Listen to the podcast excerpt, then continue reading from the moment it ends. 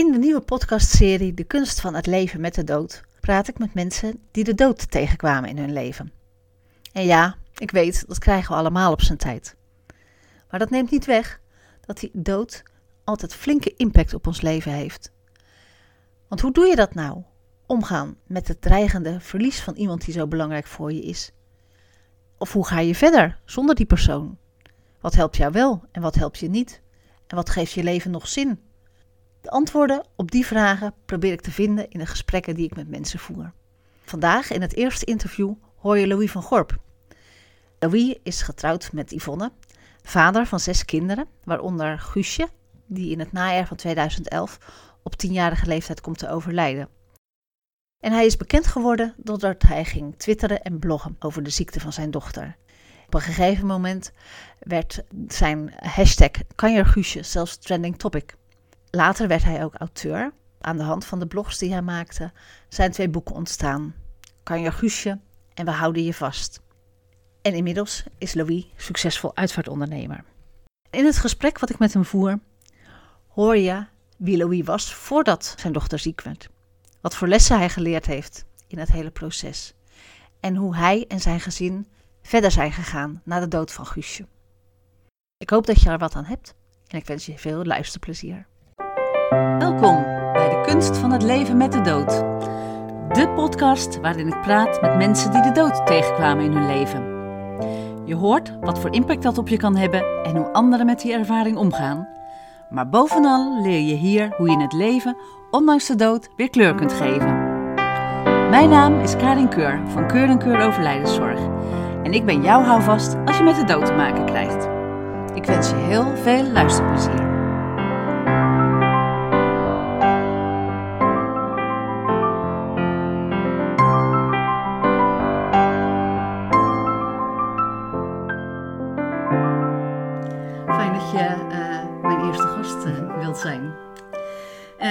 Kennen elkaar inmiddels al een paar jaar uit de uitvaartbranche.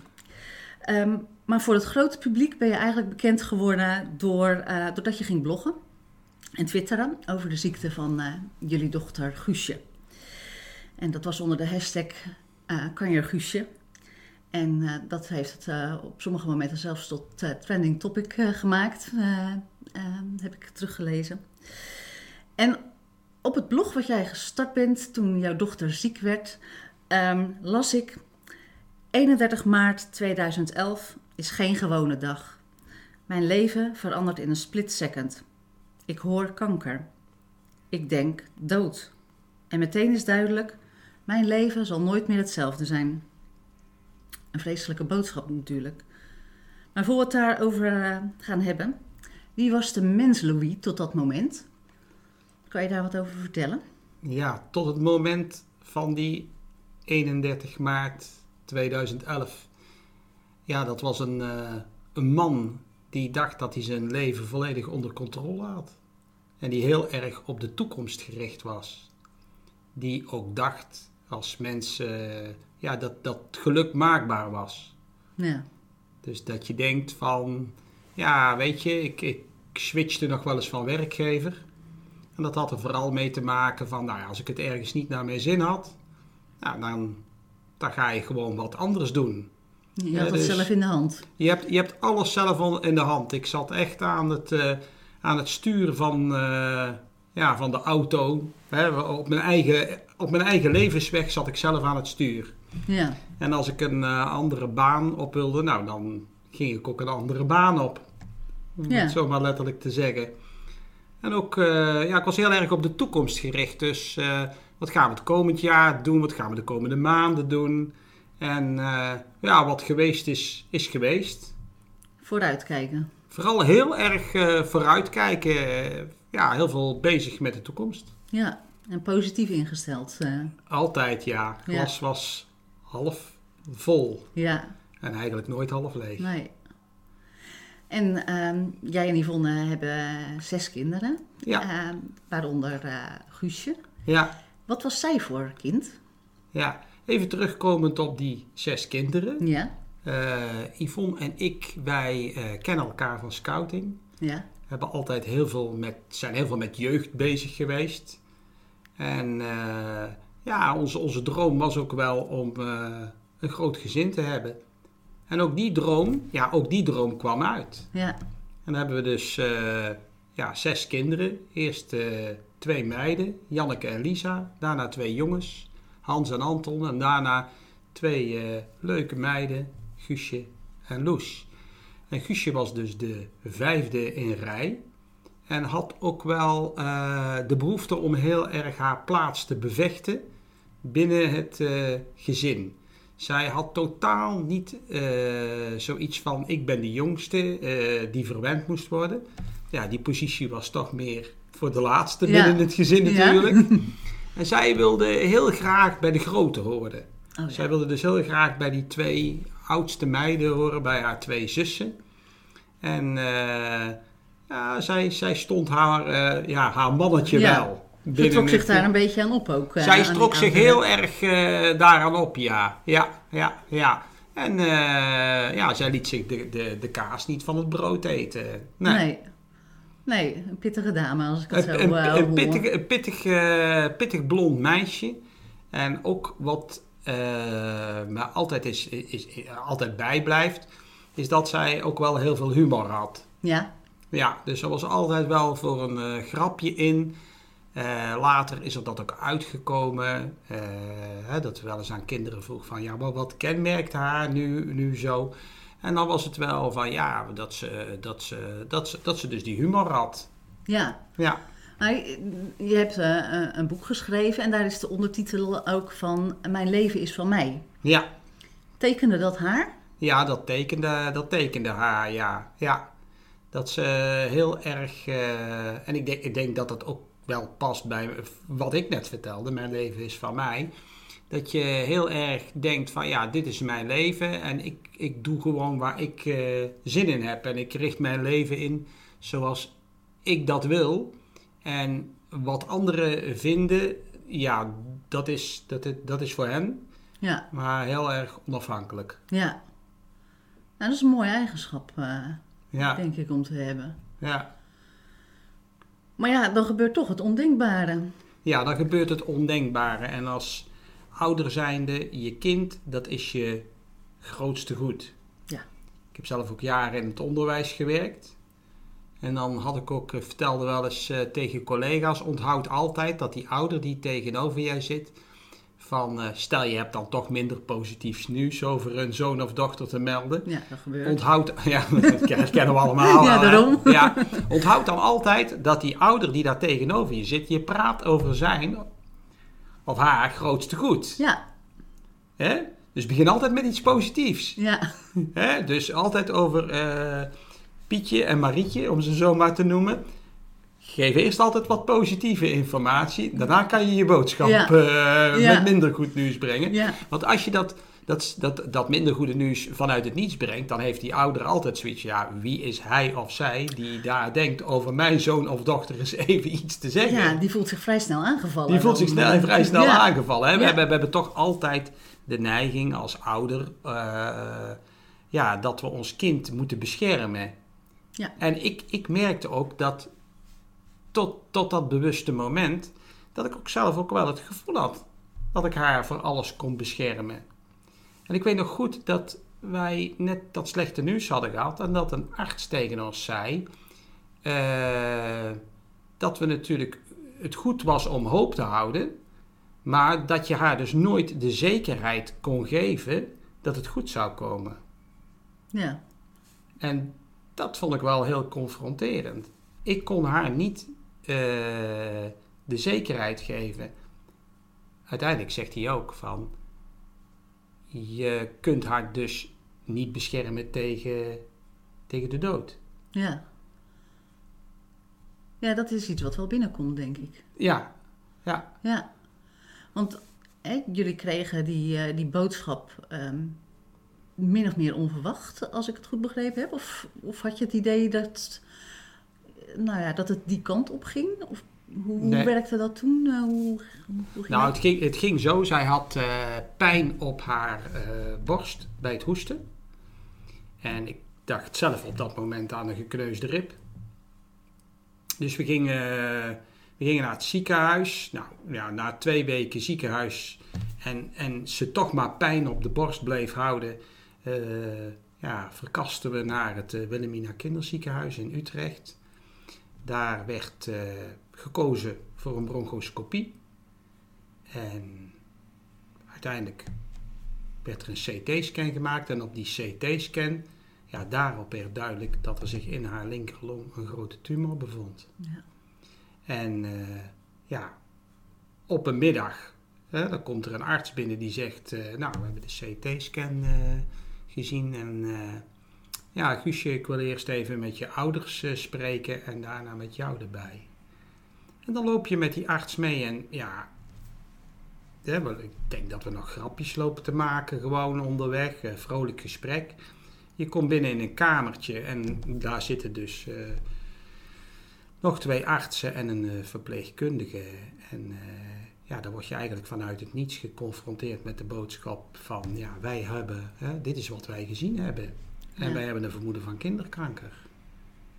En dan, dan is het stil. Doodstil. Ja, want wat gebeurt er met je op zo'n moment? Zo'n vreselijke boodschap. Ja, dat je... Ja, ik, ik weet wel dat ik het gevoel had dat het niet echt was. Ja. Dat het een soort van droom of film was waarin ik terecht kwam. Ik denk, nee, dit, dit kan niet waar zijn. Ik herinner mij ook dat Yvonne zei, ik wil dit niet. Uh, dat ik wel dacht van, nou, volgens mij hebben wij niks te willen. Ja. ja. maar, want, ja, maar het, het, was wel heel, uh, ja, heel, uh, heel confronterend en ja, het is, het is echt bizar. Ja, het is ook heel moeilijk om dat te bevatten op zo'n moment. Ja. Zeker als je altijd het idee hebt van, hé, ik, ik uh, heb mijn leven in eigen hand. Ja, ja, ja. Ja, dat, dat is een heftige boodschap. En Guusje, hoe, heb, hebben jullie het tegen Guusje verteld?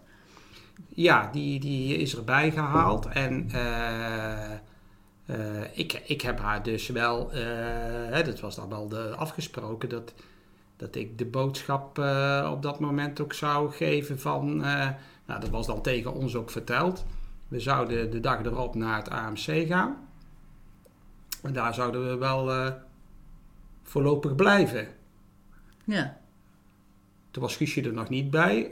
toen zei die arts, dit zal ik ook nooit vergeten. En voor jullie als ouders heb ik een kamer gereserveerd in het Ronald McDonald Huis. En toen dacht ik nog van, wie ben jij dat jij denkt dat jij voor mij een kamer moet reserveren in het Ronald McDonald Huis? Ja. Dat is natuurlijk hartstikke goed wat die arts doet. Maar het geeft al wel aan, de, terugkomend op mijn leven is van mij. Nee, jouw leven is vanaf dat moment niet meer van jou. Zij gaan voor jou uh, besluiten nemen dat jij een kamer in het Ronald McDonald huis uh, krijgt en dat jij dus niet naar huis gaat. Maar is het ook niet confronterend omdat je daarmee ook direct, uh, nou ja, als patiënt, nee, niet jij zelf, maar Guusje dan echt patiënt is? Ja. Als er zo, uh, zoiets al min of meer besloten wordt? Ja. Dat ja. het aangeeft dat het echt serieus is? Ja, dat, dat geeft dus ook wel aan hoe serieus het is. Ja. En dat je in het begin, uh, als je, toen wij in het AMC waren, ik ook heel uh, sterk de vraag stelde, steeds van hoe lang gaat dit duren? Ja. Wanneer is dit klaar? Wanneer is zij, uh, kan zij genezen verklaard worden? We wisten op dit moment nog ineens niet wat er precies aan de hand was, maar nee. je, je, je probeert wel controle te krijgen. Ja. En je hebt totaal geen controle. Alleen dat al lijkt me heel moeilijk. Ja, ja, dat is, uh, je, je bent, uh, nou het is niet alleen dat je geen controle hebt, het is ook dat het is onduidelijk wat er gaat gebeuren. Het was vooral ook niet duidelijk wat voor soort kanker zij had. Daar, heeft men toch wel, daar is men toch wel een, een, meer dan een week mee bezig geweest om erachter te komen wat er dan precies aan de hand was. Toen werd verteld van ja, het is heel erg zeldzaam. En we moeten gewoon kijken van hoe dat we dit kunnen aanpakken. En de, dat geeft ontzettend veel onzekerheid. Ja. Er was ook geen behandeling met uh, wat je dan noemt een protocol. Nee. En je moet ook je kind die boodschap vertellen. Ja, dat is heel erg uh, moeilijk geweest. En En ook wel, dat, dat geeft ook wel aan de, de, de soort van draaikolk waarin je terechtkomt. Want ik weet nog goed eh, dat dit slechte nieuws, de diagnose is op donderdag gesteld. Dan gaan we op vrijdag gaan we naar het AMC. Daar gaat de weekend over in. In het weekend komen ook eh, de broertjes en de zusjes langs. Ja. En op maandag staat er, ehm, worden we eigenlijk opgewacht bij haar kamer door iemand die zegt van, eh, nou kijk, eh, iedereen is al verteld wat er aan de hand is. Maar tegen één persoon is het nog steeds niet verteld. Nee. En dat is toch uiteindelijk de persoon waar het om gaat. Ja. En, En het tegelijkertijd de moeilijkste om het tegen te vertellen misschien. Ja, en toen weet ik nog goed dat ik met al mijn kennis ook eh, en ervaring met kinderen, dat ik zei van ja, maar hoe ga ik haar dat vertellen en wat vertel ik haar? Nou, dan krijg je dus te maken met een ziekenhuis, met zijn hele organisatie. Wist, ik wist nog ineens niet wat een pedagogisch medewerker precies deed. Nee. Nou, dat is me toen wel duidelijk geworden.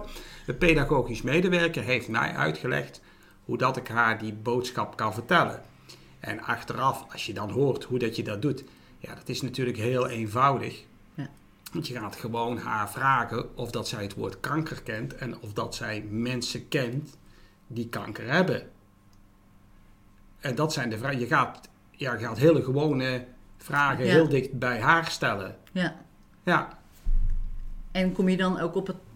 Ja, kom je er dan ook op uit dat je aangeeft dat zij dat misschien heeft? ja dat, dat was dat dus. Hè. is- Dus ken je het woord kanker? Eh, daar heeft ze ja op gezegd. Ken je mensen die kanker hebben? Ehm, het antwoord was ook ja. En dat was de moeder van een klasgenoot. Alleen het vervelende eh, daarbij was dat die moeder van die klasgenoot daarvan was bekend dat hij dood zou gaan. Oh ja. Dus dat was een. eh, dus Ja. qua. eh, dus als je praat over hoopvolle Ja, voorbeelden. ja dat, was, was niet echt deze niet. die Nee. categorie. Nee. Nee, nee, nee. Toen, toen heb ik gevraagd. nou, je weet wie tante Annemarie is. Dat is mijn zus. Ja. En die heeft dus ook kanker gehad. En echt al. eh, ja, in de, in, in- toen moest Guusje nog geboren worden. Oh ja. En, En die, ze was er nog steeds. En die is er nog steeds. Ja, Ja. die, die is er nog steeds. Ja, dat is nog nog steeds mijn zus, Ja. eh, inderdaad, gelukkig. Ja. En die had toch wel een, eh, dan moet ik zeggen, mijn zus had ook wel een, een vorm van kanker. ik kan gewoon zeggen, is eierstokkanker. Dus een soort met een, ja, met geen positieve vooruitzichten. Nee. Ook een hele laag overlevingspercentage. Maar dat liet wel zien dat er natuurlijk ook eh, dat het wel goed kan gaan. En dat, Dat er wel het, hoop kan juist, juist, Ja. juist. Dus dat was wel, eh, dat was wel fijn, ja. Ja. dat, was een, eh, dat was een goed voorbeeld. En hoe reageerde zij daarop? Want ja, een meisje van tien. nou, dat, dat, dat is ook altijd wel. Nou, nou zeg je precies, dan stel je ook een hele goede vraag van... Je kunt dus niet in haar hoofd kijken. nee. Je kunt niet in haar hoofd kijken. En dat is toch wel heel vaak, ook achteraf heb ik nu wel vaak gedacht... Wat heeft er zich afgespeeld aan gedachten in haar hoofd? Ja. Hè? Ik heb haar heel vaak met die, eh, met die in bed zien liggen met die grote ogen van haar. Ja. Want die had ze. Prachtige ogen. Ja. Van die grote ogen, net haar moeder. En dan, ja, dat, dat, dat, dat kon ze zo kijken dat ik denk van ja, wat speelt zich nou in dat hoofdje van jou allemaal af? ja. Dat kan je best bezighouden, houden, denk ik. Ja, Als ja, vader. ja. En natuurlijk, wat ik toen straks al zei, je wil, je, je wil vooral dat de wereld mooi is voor je Ja. dochter. Tuurlijk. En je komt in één keer in een, in, in een wereld eh, terecht eh, waar heel veel kinderen kaal zijn. eh, waar ouders toch, ik zeg het maar gewoon radeloos uit hun ogen kijken van Ja. wat gebeurt hier met mijn kind, met mijn grootste goed. Ja. En waar iedereen overgeleverd is aan eh, ja, de goede zorgen van het ziekenhuis. Ja. Maar die angst, die is er natuurlijk bij iedereen. Ja, weet je, je, hebt al, je wordt dan het volgende, de volgende angst maakt zich meester van je. Eh, hoor je kanker, denk je dood. Die twee Ja. zijn toch op een of andere manier gewoon onlosmakelijk met elkaar verbonden. Dus eh, de kans dat je kind overlijdt, wordt eh, heel reëel. ja. Is een reële optie. Werd dat ook snel duidelijk dat die kans best wel behoorlijk groot was? Nee, Nee, die, eh, het was een kans. Maar die kans werd niet eh, in percentages uitgedrukt. En, en dus op een gegeven moment, en dit, dit is toch, ja, ik denk drie weken voor haar overlijden, dat de oncoloog eh, op een gegeven moment zegt: eh, Guusje, ga even de kamer uit. Even alleen met je ouders praten. Ja, dat zijn, hele, dat zijn echt momenten dat je hartslag. eh, ja, dan voel je begint wel te stijgen, misschien. Ja. Maar toen, toen, toen was de boodschap van zij gaat hier niet oud mee worden. ja, maar ja, wat is niet oud? Wat is niet oud? Ja, Kijk, dat ze, dat ze geen 90 of 80 wordt, prima. ja, Eh, maar 60 is ook goed. ja. Ja, Ja? Hè? Er is niet, niemand die zei van, nou, daar gaat zij dit- nog geen 10 jaar mee doorkomen. En dat komt omdat de oorzaak van het overlijden is een bloeding. ja. en dat voorziet niemand. eh, En dat zo. voorziet niemand. En waar die bloeding eh, precies zijn oorzaak in vindt, weet, weet ook niemand. Nee, maar die bloeding is haar wel fataal geworden. Ja, maar dan heb je als ouders ook heel lang, denk ik, de hoop weer dat Ja. dat... ja wat, wat heel kenmerkend is van eh, deze boodschap alleen al, van ze gaat hier niet oud mee worden. Dat was een, eh, ja, dat is, een- dat is een soort van zonnestraal die je meteen eh, uit de lucht grijpt. En zegt zo, die is van mij. Hou vast ook. Hou vast, ja, echt. Ik, ik, ik heb zelfs wel eens het idee, ze kunnen eh, al, al, al, al, al praten ze neg- eh, 90% van het gesprek van nou, dat het fout kan gaan. Maar die 10% dat ze zeggen, ja, kan misschien toch goed aflopen. Die 10%, daar, dat, dat is je strohalm. Ja. ja, hoe klein ook. Hoe klein ook, daar hou je je al vast, ja. Ja. Het is wel zo, wat, wat, doet het, wat doet dit met je? Nou, 24 uur per dag. eh, elke minuut, elke seconde eigenlijk. Eh, zit in je hoofd dat het fout kan gaan. Ja, Dus je bent is dat beseft er? Ja, je bent daar continu mee bezig. Ook al ben je andere dingen aan het doen. Ja, En zeker dat, eh, dat zijn bijvoorbeeld momenten waarop dat heel duidelijk wordt. En dat, dat denk ik ook wel heel veel mensen herkennen. Is het moment dat er bijvoorbeeld een scan is geweest. ja, Of eh, het moment dat er al bekend wordt dat er een scan aankomt. Dan zit je al in je hoofd, er komt een scan, er komt een scan. Scan is geweest, maar er komt een uitslag, er Ja. komt een uitslag. En wat zal die uitslag zijn? Die spanning, ja. ja. En dan elke keer weer een stapje verder in dat proces. stapje verder. En het, de stapjes verder in het proces waren bij ons toch wel dat we, dat was niet de weg omhoog, maar was de weg omlaag. Ja. Steeds gingen we een stapje verder, omlaag, omlaag, omlaag. Maar ook daarin, eh, tenminste het ging qua gezondheid achteruit. Je zag haar, eh, ja, ze had steeds meer pijn, had eh, ook steeds meer morfine nodig. Want ze heeft zeg maar voor de diagnose gebruikte ze al morfine de laatste twee dagen voor de. Hè? Ja, En eh, ze heeft al die tijd morfine gebruikt en die morfine werd wel steeds meer. ja. Dat was ook wel, eh, wel lastig, ja, dat je dat zag. Ja, ja wat, wat maakte dat lastig? Was dat onmacht? Of, eh, ja de onmacht dat je, je kunt, je kunt er, ja, je moet ermee dealen. Ja, Je staat erbij en je, je kijkt ernaar. ja, En je kan zelf niks doen. nee. Ja, dat gaat helemaal in tegen je gevoel van Dat gaat vader en ouder zijn. echt helemaal in tegen je gevoel van, je, van het ouder zijn, ja. Ja. Ja, ja. En in dat hele ziekteproces ging jij bloggen en twitteren. ja. En was dat jouw uitlaatklep? Of had dat een andere reden dat je dat op die De manier deed? belangrijkste reden van eh, het gebruik van de, ja, wat ze dan tegenwoordig zo mooi de social media noemen, Ja, is vooral geweest anderen op de hoogte brengen. Op het moment dat jij eh, zelf niet vertelt wat er aan de hand is, gaan anderen aan de haal met jouw verhaal. ja, Hè, dus dat betekende bijvoorbeeld bij mij, ik denk dat dat het duidelijkste is, dat mijn moeder, en eh, de diagnose was net gesteld, dus ik praat nu over de periode eh, april Terwijl, je moet het overlijden, dat, dat zit eind oktober. Ja. Maar het is begin april. De diagnose kanker is net gesteld. Mijn moeder komt bij de bakker en wordt gecondoleerd. Ja, zo snel Ja. gaat dat. Zo snel gaat het. Dus iedereen maakt zijn eigen versie van het verhaal. Ja, En het mooiste was wel dat ik op een gegeven moment mijn ene zus aan de lijn heb. En die, die net vertelt wat er allemaal aan de hand is. En twee uur later bel ik mijn andere zus. Die twee hebben met elkaar gesproken. Maar ik, ik merkte dan toch dat, ja, zelfs mijn zus maakte een eigen verhaal ja, van wat er aan de hand was. En ging het ook weer invullen op basis van haar eigen ervaringen. ja, zo werkt het ook. Iedereen vult het, op, vult het op zijn eigen manier in. Eh, verder hadden we natuurlijk de kinderen die naar school gingen, die bij clubs zitten, bij verenigingen. Eh, en iedereen vroeg hoe is het met je zus? Ja, En ja, wat moesten zij op dat moment zeggen? En ja, toen was het bloggen, dat was wel de manier. Dus elke avond gewoon opschrijven van wat gebeurt hier op dit moment.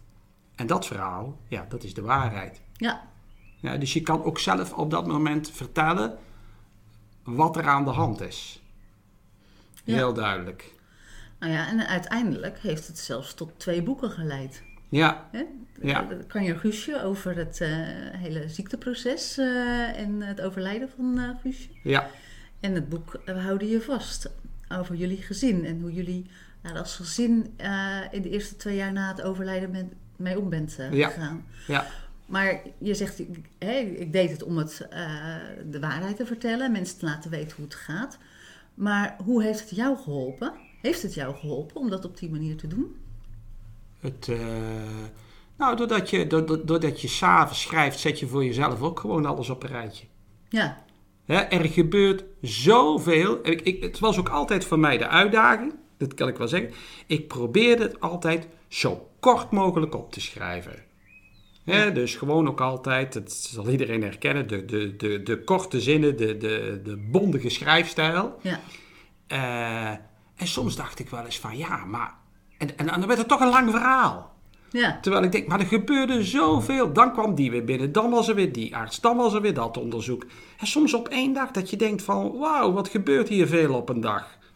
Dat, dat, is, dat is meer dan wat er misschien gewoonlijk in eh, een anderhalve week gebeurt Ja. aan onderzoeken. Maar heb je het dan ook ehm, nodig om, om dat inderdaad voor jezelf te kunnen verwerken en te kunnen blijven bijbenen? Het is, het is zo dat ik eh, later, als ik het boek lees, dat ik nog wel eens gewoon eh, lees en dan mezelf bedenk, jee, en ik heb dit allemaal zelf meegemaakt. Ja, Het is gigantisch veel wat er in een korte tijd, eh, wat je aan ervaringen en emoties ver- meemaakt. Ja, En wat je, ja, ja en je rolt van het een in het ander. eh, wij rolden echt ja. van het ene in het andere. En ik denk ja, dat dat toch wel een ervaring is die ook heel veel andere mensen hebben. Ja. Die in zo'n situatie terechtkomen. En die je ook eh, een aantal, eh, ik zeg het maar gewoon, doordat je het weer opschrijft en nadenkt, eh, geeft het je ook een aantal levenslessen mee. Ja, Dus de belangrijkste levensles ehm, vind ik toch altijd wel een hele bijzondere. Eh, dat is, die heb ik gekregen in de tijd dat zij geopereerd zou gaan eh, worden. Zij is toen geopereerd op 5 mei. En in de periode die daarvoor zat, had ik een gesprek met een eh, psycholoog. En die merkte dat ik, ja, ik kon heel goed piekeren. oh, Echt heel goed piekeren. wat, ja, Ja, piekeren over de situatie. eh? Dat was een karaktertrek op, toen, hè. ja, oh, En die eh, zei tegen mij van, ja, je kan piekeren wat je wil. Eh, je kan jezelf helemaal ja, in, je, in je hoofd gek maken, laat ik het zo zeggen. Maar jij verandert niets aan wat hier gebeurt met haar. nee, Nee, want het zal gaan zoals het gaat. Richt je op de dingen waar je wel invloed op hebt. En waar had, kon ik invloed op hebben? Dat was zorgen dat het matras waar ze op lag, dat het op de intensive care zou liggen op het moment dat zij van de OK afkwam. ja, En toen zei die psycholoog, en om dat hier te kunnen regelen in het AMC, dat het van de ene op de andere afdeling terechtkomt, eh daarbij wens ik u veel succes. oh. Maar dat is wel iets waar je invloed op kunt hebben. En waar je ook eh, niet- ja, je vast kunt bijten. vast kunt meer. bijten, ja, want Ja, je moest je wel contact hebben met de hoofden van beide afdelingen. Nou, echt iets waar je invloed op kon hebben. Natuurlijk gebeurt het in die tijd. Want ja, zo'n eigenschap, die laat je natuurlijk niet los. Hè? Dus Nee. ik heb best wel s'avonds in mijn bed gelegen daar en gedacht van, nou, Guus, hoe zal het met jou gaan? Misschien dat ze die hele tumor die je hebt, dat ze die helemaal kunnen verwijderen. Misschien dat ze, hadden ze al gezegd dat het niet kon, maar die- hè, de Ja. hoop is Ja, daar, hè? Dat het toch een wonder hè? Ze halen een deel weg, maar ook het risico bestond, want dat had de arts wel, eh, de chirurg eigenlijk vertelde later tegen ons, dat er een risico eh, aanwezig was dat ze zou overlijden tijdens de operatie. Dat we daar ook rekening mee Ja. moesten houden. Nou, al die scenario's komen in mijn hoofd voorbij. Het is de 5e mei. eh, we zijn een uur bezig met de operatie. En ik kom de chirurg tegen in de lift. Oh, En ik schrik me ja. ontzettend, want die had daar niet mogen lopen. Nee, die had nog druk met jouw dochter bezig moeten Ja, zijn. dat- en die schrikt ook van mij. Ja. En die zegt van, eh, ja, ik kan nu niet vertellen wat er aan de hand is. Maar ik doe dat samen met de oncoloog dadelijk. En ja, Dan krijg je het ook wel even warm, denk ik. heel warm. Ja. Nou, daarna gaan wij in gesprek eh, met hen. Een tijd later weer. Er gaat allemaal tijd overheen. Echt vreselijke tijd. En ehm, dan vertellen ze wat er gebeurd is. Ze hebben haar opengemaakt. Hebben geconstateerd dat ze niets voor haar kunnen doen op dat moment. Hebben haar weer dichtgemaakt. Ja. Dat scenario had ik in al mijn piekerenmomenten nooit voorzien. Nee. Nee. Maar later heb ik nou eens nagedacht. Heel veel dingen die je in je leven meemaakt, daarvan heb je van tevoren een idee hoe ze zullen lopen. Ja, een bepaalde verwachting. Een bepaalde verwachting. En hoe vaak gebeurt het niet dat je achteraf constateert dat het helemaal anders gelopen is? Heel vaak. Bijna altijd. Ja. Ja, nou, dat is, dat is misschien wel voor mij de belangrijkste, een van de belangrijkste levenslessen die ik, waar ik toen mee te maken heb gehad. Die hou ik ook heel vaak, mensen die hier werken of mensen die hier komen, hou ik die voor. Dan zeggen ze altijd, ja, maar stel nou zo en zo. Ik zeg, ja, nou, je zal achteraf zien dat het anders loopt. Ja. So don't worry. Ja. ja. Maar ja, in, in de situatie waar je toen in zat, was dat best moeilijk, denk Was ik. dat heel moeilijk Ja. inderdaad, ja. Ja. Maar het is wel de belangrijkste levensles. Ja. Nou, dat is wel een, een mooie om te leren ja. uiteindelijk. Hè? ja. Maar ja, het- toch, in oktober kwam toch dat moment dat ze kwam te overlijden. Ja, ja. En dat, dat gebeurde dus, ja, dat was ook weer een opeen, eh, opeenstapeling van, van dingen, van gebeurtenissen, van eh, zich heel slecht voelen. Uiteindelijk toch maar eh, naar het AMC gaan, naar telefonisch contact, van ja, als u dan, hè, want ze hield geen enkel medicijn binnen, ze spuugde alles uit. Wat was er precies aan de hand? Ze werd ook opgenomen, moest daar blijven. Eh, ja, toch in, in, in- ja, zeg maar, ik denk dat we op woensdag zijn we binnengekomen, op zondag is ze overleden. Ja. Ja, Ja, dat, eh, dan sta je daar als ouder. ja. Ja, dan ben je in één keer eh, de ouder van een overleden kind. Ja. Dat is een, nou ja, dat willen we ons geen van allen voorstellen. Nee, dan, dat geeft ook eh, emoties die je, eh, waar je ook eh, geen voorstelling van kunt maken. En die, die emoties die kan je weer vergelijken van op het moment dat je vader of moeder wordt. Daar heb je vooraf ook een voorstelling van. En het is ook altijd anders. En dat is ook weer anders. Ja, ja, ja. Ja. ja, dat Ja. is ook zo anders. Op het moment dat dat kind daar dan is. Eh ze hoeven er niks voor te doen. Ze hoeven alleen maar geboren te worden, zeg ik altijd. En jij gaat onvoorwaardelijk van ze houden. Ja. maar hoe is dat dan op het moment dat je kind komt te overlijden? Ja, dat hoe geeft anders een- is dat dan dat wat je verwachtte? Eh, Bedacht had. Nou, dat je. eh, nou, bijvoorbeeld heel veel mensen zeggen tegen mij. wel vaak. van. ja, ik, ik, zou niet meer, ik zou niet meer verder kunnen. Of ik zou nooit meer de bank afkomen. Of Ja. ik zou mezelf. Ik zou helemaal gek worden. Ja. Want als je Nou, kind overlijdt, dat Als is je het kind overlijdt, je het is je grootste goed weer, hè? Dat sowieso. En, ja. en, en, en eh, ja, ik kan wel zeggen eh, dat, je, dat je dan, ja, je gaat emotioneel ook weer door een, eh, door een hele moeilijke en zware periode heen. Maar hoe dat je daar uiteindelijk doorkomt en hoe dat je daarmee, hoe dat je met dat verlies verder leeft, dat zal toch ook weer op een bepaalde manier, die je misschien van tevoren ook niet verwachten. Kijk, als ik, als ik bijvoorbeeld vroeger ergens binnenkwam uh, en ik zag zo een uh, foto staan met een kaarsje erbij. Dan ja. dacht ik altijd, nou, nou, moet dat nou? ja. ja. is dat nou nodig? Ja, een beetje ja, overdreven. Die, die persoon is dood. Ja. nou ja, dan kan er wel een kaarsje bij zetten met een foto. Ja, nou. Ja. Ja, wel, ja, ik zeg wel eens, ik was best wel een hork. En, uh, maar omdat ik zelf natuurlijk nooit iets had meegemaakt. Nou, dat is het vaak, hè? Je weet dingen pas op het moment dat je ze meemaakt, hoe het echt is. Ja, maar er was zelfs geen begrip bij mij. Laat ik het zo zeggen, dat was wel heel erg, hè? En op het moment dat, dat, dat ik weet nog goed, ze was overleden. Ze, waren, waren die avond, zondagavond was het, we waren thuis en zij uh, was gewoon bij ons in de kamer.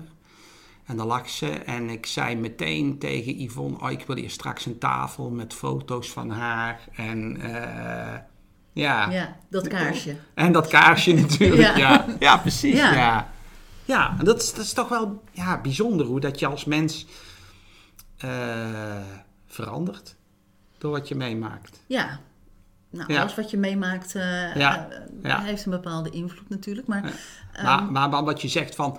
Uh, je maakt dus emoties mee die je niet kent. Van ja, gewoon het, het, gevoel van gemis. Het gevoel van gemis is een, is een, uh, en ook van dat je, dat je niet kunt begrijpen uh, waar zij, uh, dat, dat zij niet hier is. Ja. ja, eigenlijk het gevoel wat iedereen dan wel weer kent. alleen je kind zet, heb je, tenminste ik in elk geval wel, elke keer, elk kind heb ik heel bewust op de wereld gezet. Ja. Maar nooit, nooit, maar sowieso nooit met het idee, dat is zo tegenstrijdig, dat ik haar zou overleven. Nee. Dat is ook niet de logische volgorde. Nee, en dat, maakt het, dat maakt het kinderverlies zo, uh, zo zwaar. Ja. Ja. Het, is, het, is, ook raar om te zeggen van, dus, uh, uh, ja, hoe ga je dood? En dan zeg ik, ja, het klinkt misschien gek, maar mijn dochter heeft mij laten zien hoe je doodgaat. Ja, nou, als dat, die zin alleen al. Ja. ja, die had je nooit gedacht uit te zullen spreken. Nee, nee. nee. Nee.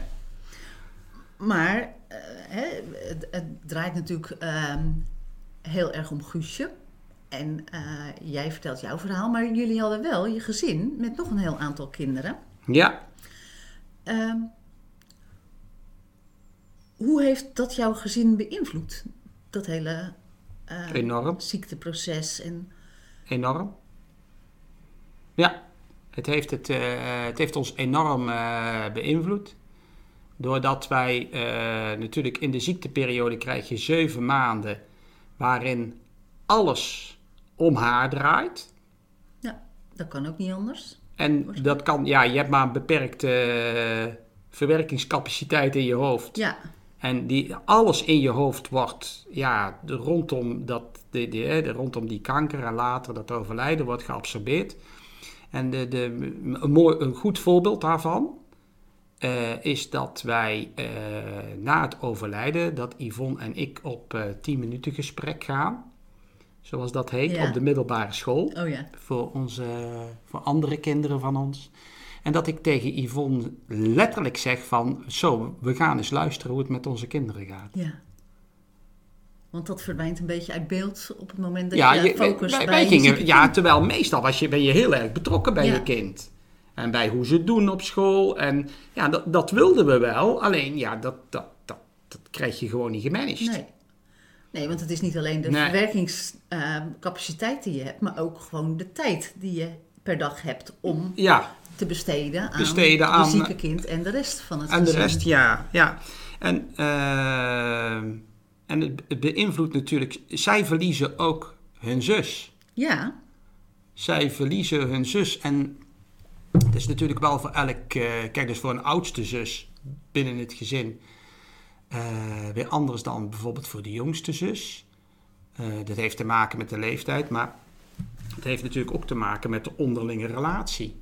Ja, Hè, later zie je bijvoorbeeld, wij, wij, wij gingen later eh, foto's uitzoeken en we hebben elk kind bij ons eh, bijvoorbeeld een, een, een, een- fotoboekje gegeven, of een foto gegeven in elk geval, waar ze samen op staan met hun, eh, met hun zus. Ja, En dan zie je bijvoorbeeld, dat als het praat ik over die oudste zus, die staan heel vaak met elkaar op de foto. Je ziet echt heel vaak dat Guusje bij Janneke in de armen hangt of op schoot zit. Of, eh, en dan zie je dus, je ziet een bepaalde relatie die bijvoorbeeld weer anders is dan met haar broers. ja. Ja, dat, dat, En dan het zie is natuurlijk niet vanzelfsprekend dat het bij allemaal hetzelfde is. Het is, bij niet, het, is, het is juist, het- natuurlijk, iedereen heeft zijn eigen, hè, iedereen die broers en zussen heeft, zal zeggen, ja, met die broer ga ik zo om, of Ja. met die zus ga ik zo om. Die zus, die bel ik eh, heel vaak, en die broer, ja, die bel ik af en toe, maar, Ja. ja. Maar dat heb je misschien ook eh, gemerkt na het overlijden, dat alle kinderen daar ook weer anders op reageren of mee omgaan. Ja, ja, en daarvoor, daarvoor gaat, zeg maar, ik zeg ook dat dat tweede boek, We houden je vast, die probeert ook op allerlei manieren eh, aan te geven hoe dat ze anders reageren. Ja. Ja. Maar dan is het ook een hele ehm, uitdaging misschien voor jullie om naast je eigen verdriet ook eh, dat gezin vorm te blijven geven. Of is dat een, een Ja, ja je hebt, je hebt, je hebt, je hebt een hele klus na haar overlijden. Want eh, je zit met je eigen gemis. Je zit met je eigen verdriet. En heel vaak vragen mensen dan ook... Goh, Louis, hoe gaat het? En dat vragen ze nu nog. ja, Wel eens van, hoe gaat het met alle andere kinderen binnen het gezin? En ik weet nog goed dat ik in die tijd altijd eh, de, de opmerking maakte van... Nou, ik zou willen dat ik in die hoofden kon Ja. kijken. Want je moet ook maar zo gaan, dat, dat is ook een algemeen eh, bekend verschijnsel... dat kinderen nemen hun ouders in bescherming. ja, En, En die, en die zien dat die ouders heel veel verdriet hebben. En die denken, nou, eh, laat, ik, laat, ik het, laat ik het zeker hen niet moeilijk maken. Ja. Dus ik, ik zadel mijn ouders niet op met mijn problemen. nee. Nou ja, dat, dat is aan de ene kant goed, maar die komen misschien dan toch later Ja, wat, in beeld. Mijn, mijn, mijn, mijn ervaring is eh, dat op het moment eh, dat de ouders weer eh, de rots zijn waar het kind op kan leunen, dat dan kinderen dus ook de, de, de, de, de veiligheid hebben om hun eigen emoties te uiten. Ja. En wat ik ervaren, alhoewel eh, kinderen, hè, ik denk het ook wel een beetje mens eigen is, dat je denkt ik kan mijn eigen problemen wel oplossen. ja, zeker in een bepaalde leeftijdscategorie. Ja. Ja, ja. En dat je eh, als ouder vooral, eh dat is een advies wat ik heel vaak aan andere ouders gegeven heb. Kijk gewoon hoe je kind zich gedraagt. Een van de meest gestelde vragen die ik, eh, die ik en die ik nog vaak krijg, is van, eh, ik denk een mooi voorbeeld is dat je een zoon van 15 hebt en ehm, ja, die praat niet over het overlijden van zijn eh, zus, of niet over het tijden van zijn broer. En dan is mijn antwoord stevast, toen jij 15 was en je had problemen, besprak je die met je ouders? Ja. Geen van allen doen we dat, denk ik. Dat hè, doen we geen van allen. Nee, nee, nee. Nee, maar als die, eh zelf die jongen het gewoon goed doet op school, eh, nog steeds heel veel vrienden heeft. Ja. En geen bijzonder vreemd gedrag vertoont. Tenminste, gewoon gedrag wat bij zijn karakter Ja. hoort. Dan denk ik dat het, eh, dat het gewoon goed gaat. Ja, en het- de opmerking van, ja, je moet er toch over praten, dat gaat natuurlijk lang niet voor iedereen op. Nee, en zeker niet voor mannen. Nee, dat niet. En ook niet als ze 15 zijn. Nee, zeker niet als ze 15 zijn. Nee, nee, nee. Maar je schrijft ook ergens van, op de wind eh, heb je geen invloed, wel op hoe je de zeilen zet. Ja, Is er een moment geweest dat je echt besloten hebt van, ik ga hier op een bepaalde manier mee om? Of is dat dan toch meer een karaktertrek? Ik denk dat dit, de, de, de- deze, eh, ja, als ik vertel hoe mijn leven was eh, voor 31 maart 2011, dan denk ik dat eh, deze, deze slogan, Ja, op de wind heb je geen invloed wel op hoe je de zeilen zet, dat, dat die natuurlijk ook wel heel erg bij mij past. Ja. Dat die ook wel erg karaktergebonden is. ja, En dat is hij nu nog steeds. Ik gebruik hem ook vaak in gesprekken in het werk nu.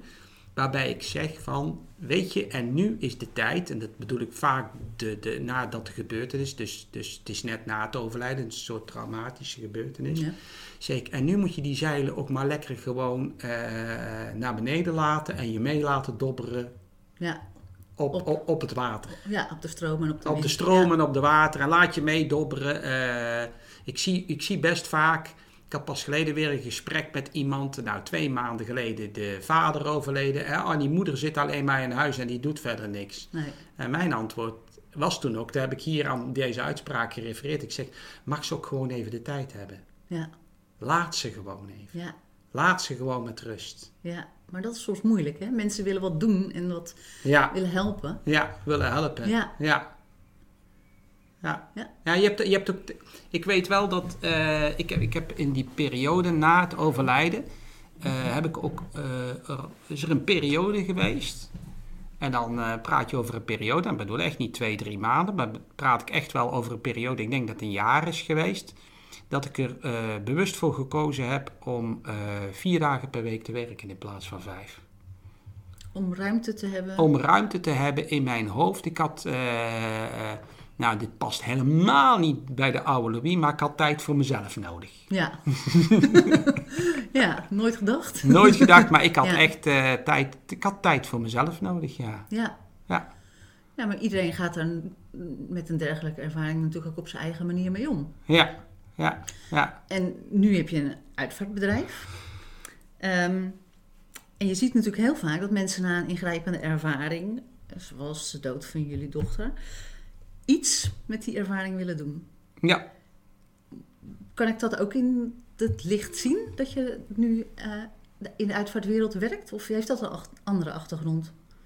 Het heeft, eh, het heeft er natuurlijk mee te maken. Kijk, ehm, door, ja, van, het boek, van de boeken zijn heel veel exemplaren verkocht. Van het blog is eh, door heel veel mensen gelezen.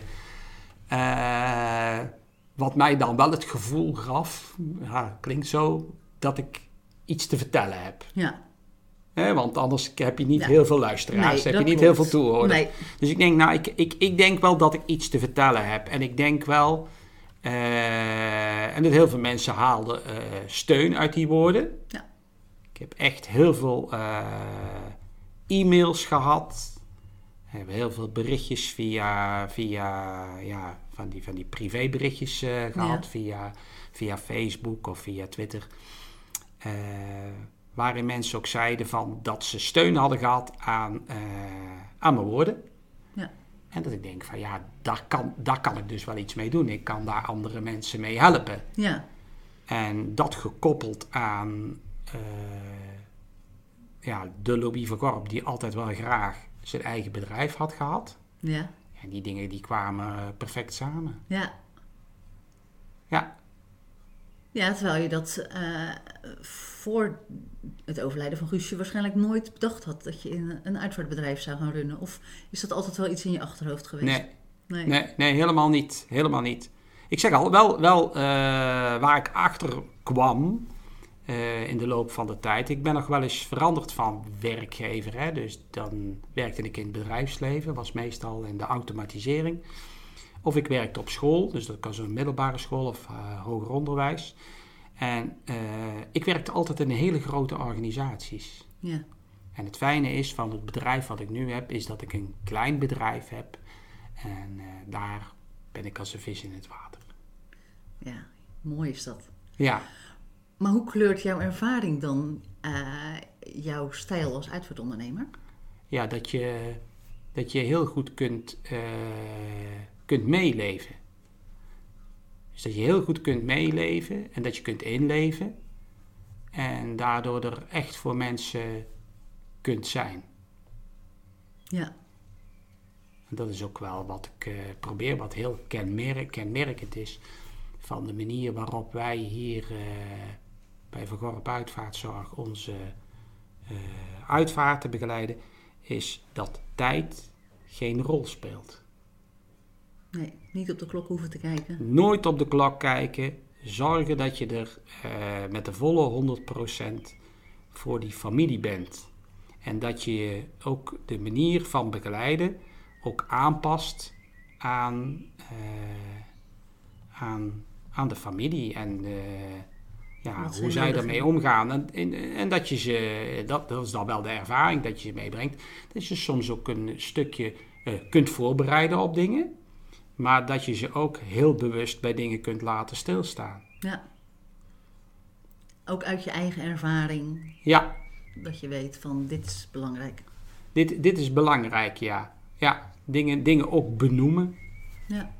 van, uh, dit, dit, is toch wel het... Uh, de familie zei het pas geleden nog. Uh, ik heb altijd achteraf wel gesprekken met families. En die zeiden van... Ja, het moment dat wij met moeder haar kamer uitgingen... daar zouden wij gewoon zo met haar naar buiten zijn gelopen... Terwijl jij ons bewust maakte van, luister, dit is het moment dat zij haar kamer verlaat, waar zij de afgelopen periode gewoond heeft. Ja. De allerlaatste keer. Ja. Even, even stilstaan bij uh, het belang van het moment. Even stilstaan bij het belang van het moment, juist. Ja. Juist. Maar als we nou terugkijken naar die uh, uh, 31ste maart in 2011, je vertelde er natuurlijk al wat over, maar als je dan nu terugkijkt, wat is er met de mens Louis gebeurd? Hè, van de, degene die dacht dat alles maakbaar was, naar degene die, uh, waar ik nu mee praat. Ja, die is wel de, de mens die weet dat, dat je dingen op je pad kunt krijgen.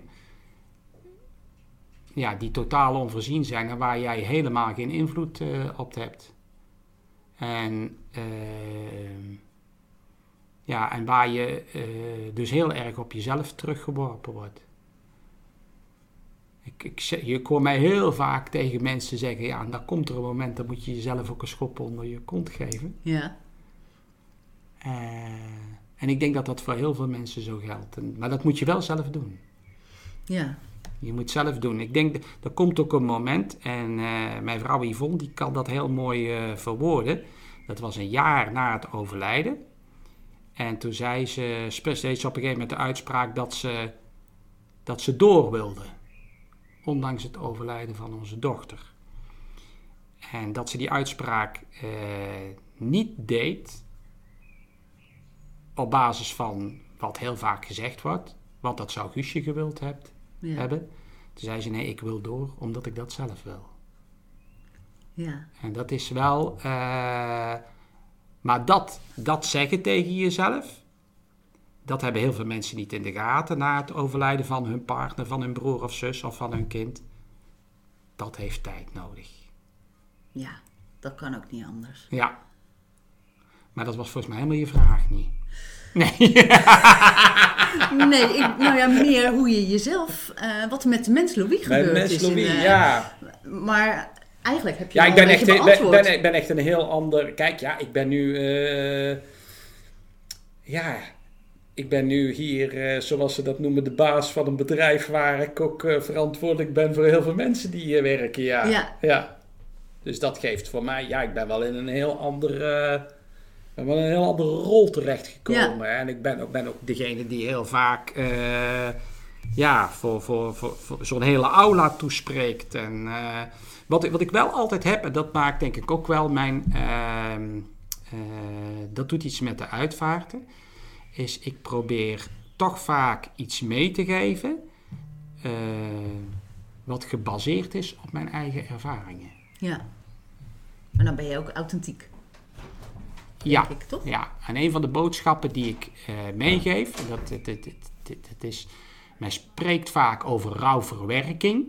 Dat Ja. is het woord in Nederland. Ja, maar er eh, is En daar heb ik zo'n hekel aan, ja, aan dat dat woord. Ik. Want eh, ik zeg altijd, afval wordt verwerkt. Ja, Dan hoef je er namelijk niet meer aan te denken. Ja. En de liefde kan nooit verwerkt worden.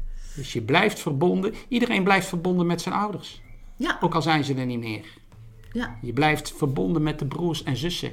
Ah, die je verliest. Ja, maar dat niet alleen. Het is ook een gebeurtenis die jouw leven kleurt. Dus die je altijd met je meeneemt. Juist. Dus is het niet Ja. ook eerder dat je het moet verweven in je leven? Juist, dat is het woord, hè? Verweven. Ja. Je verweeft het gemis, je verweeft het verlies en je verweeft ook de mooie gebeurtenissen van vroeger in je leven.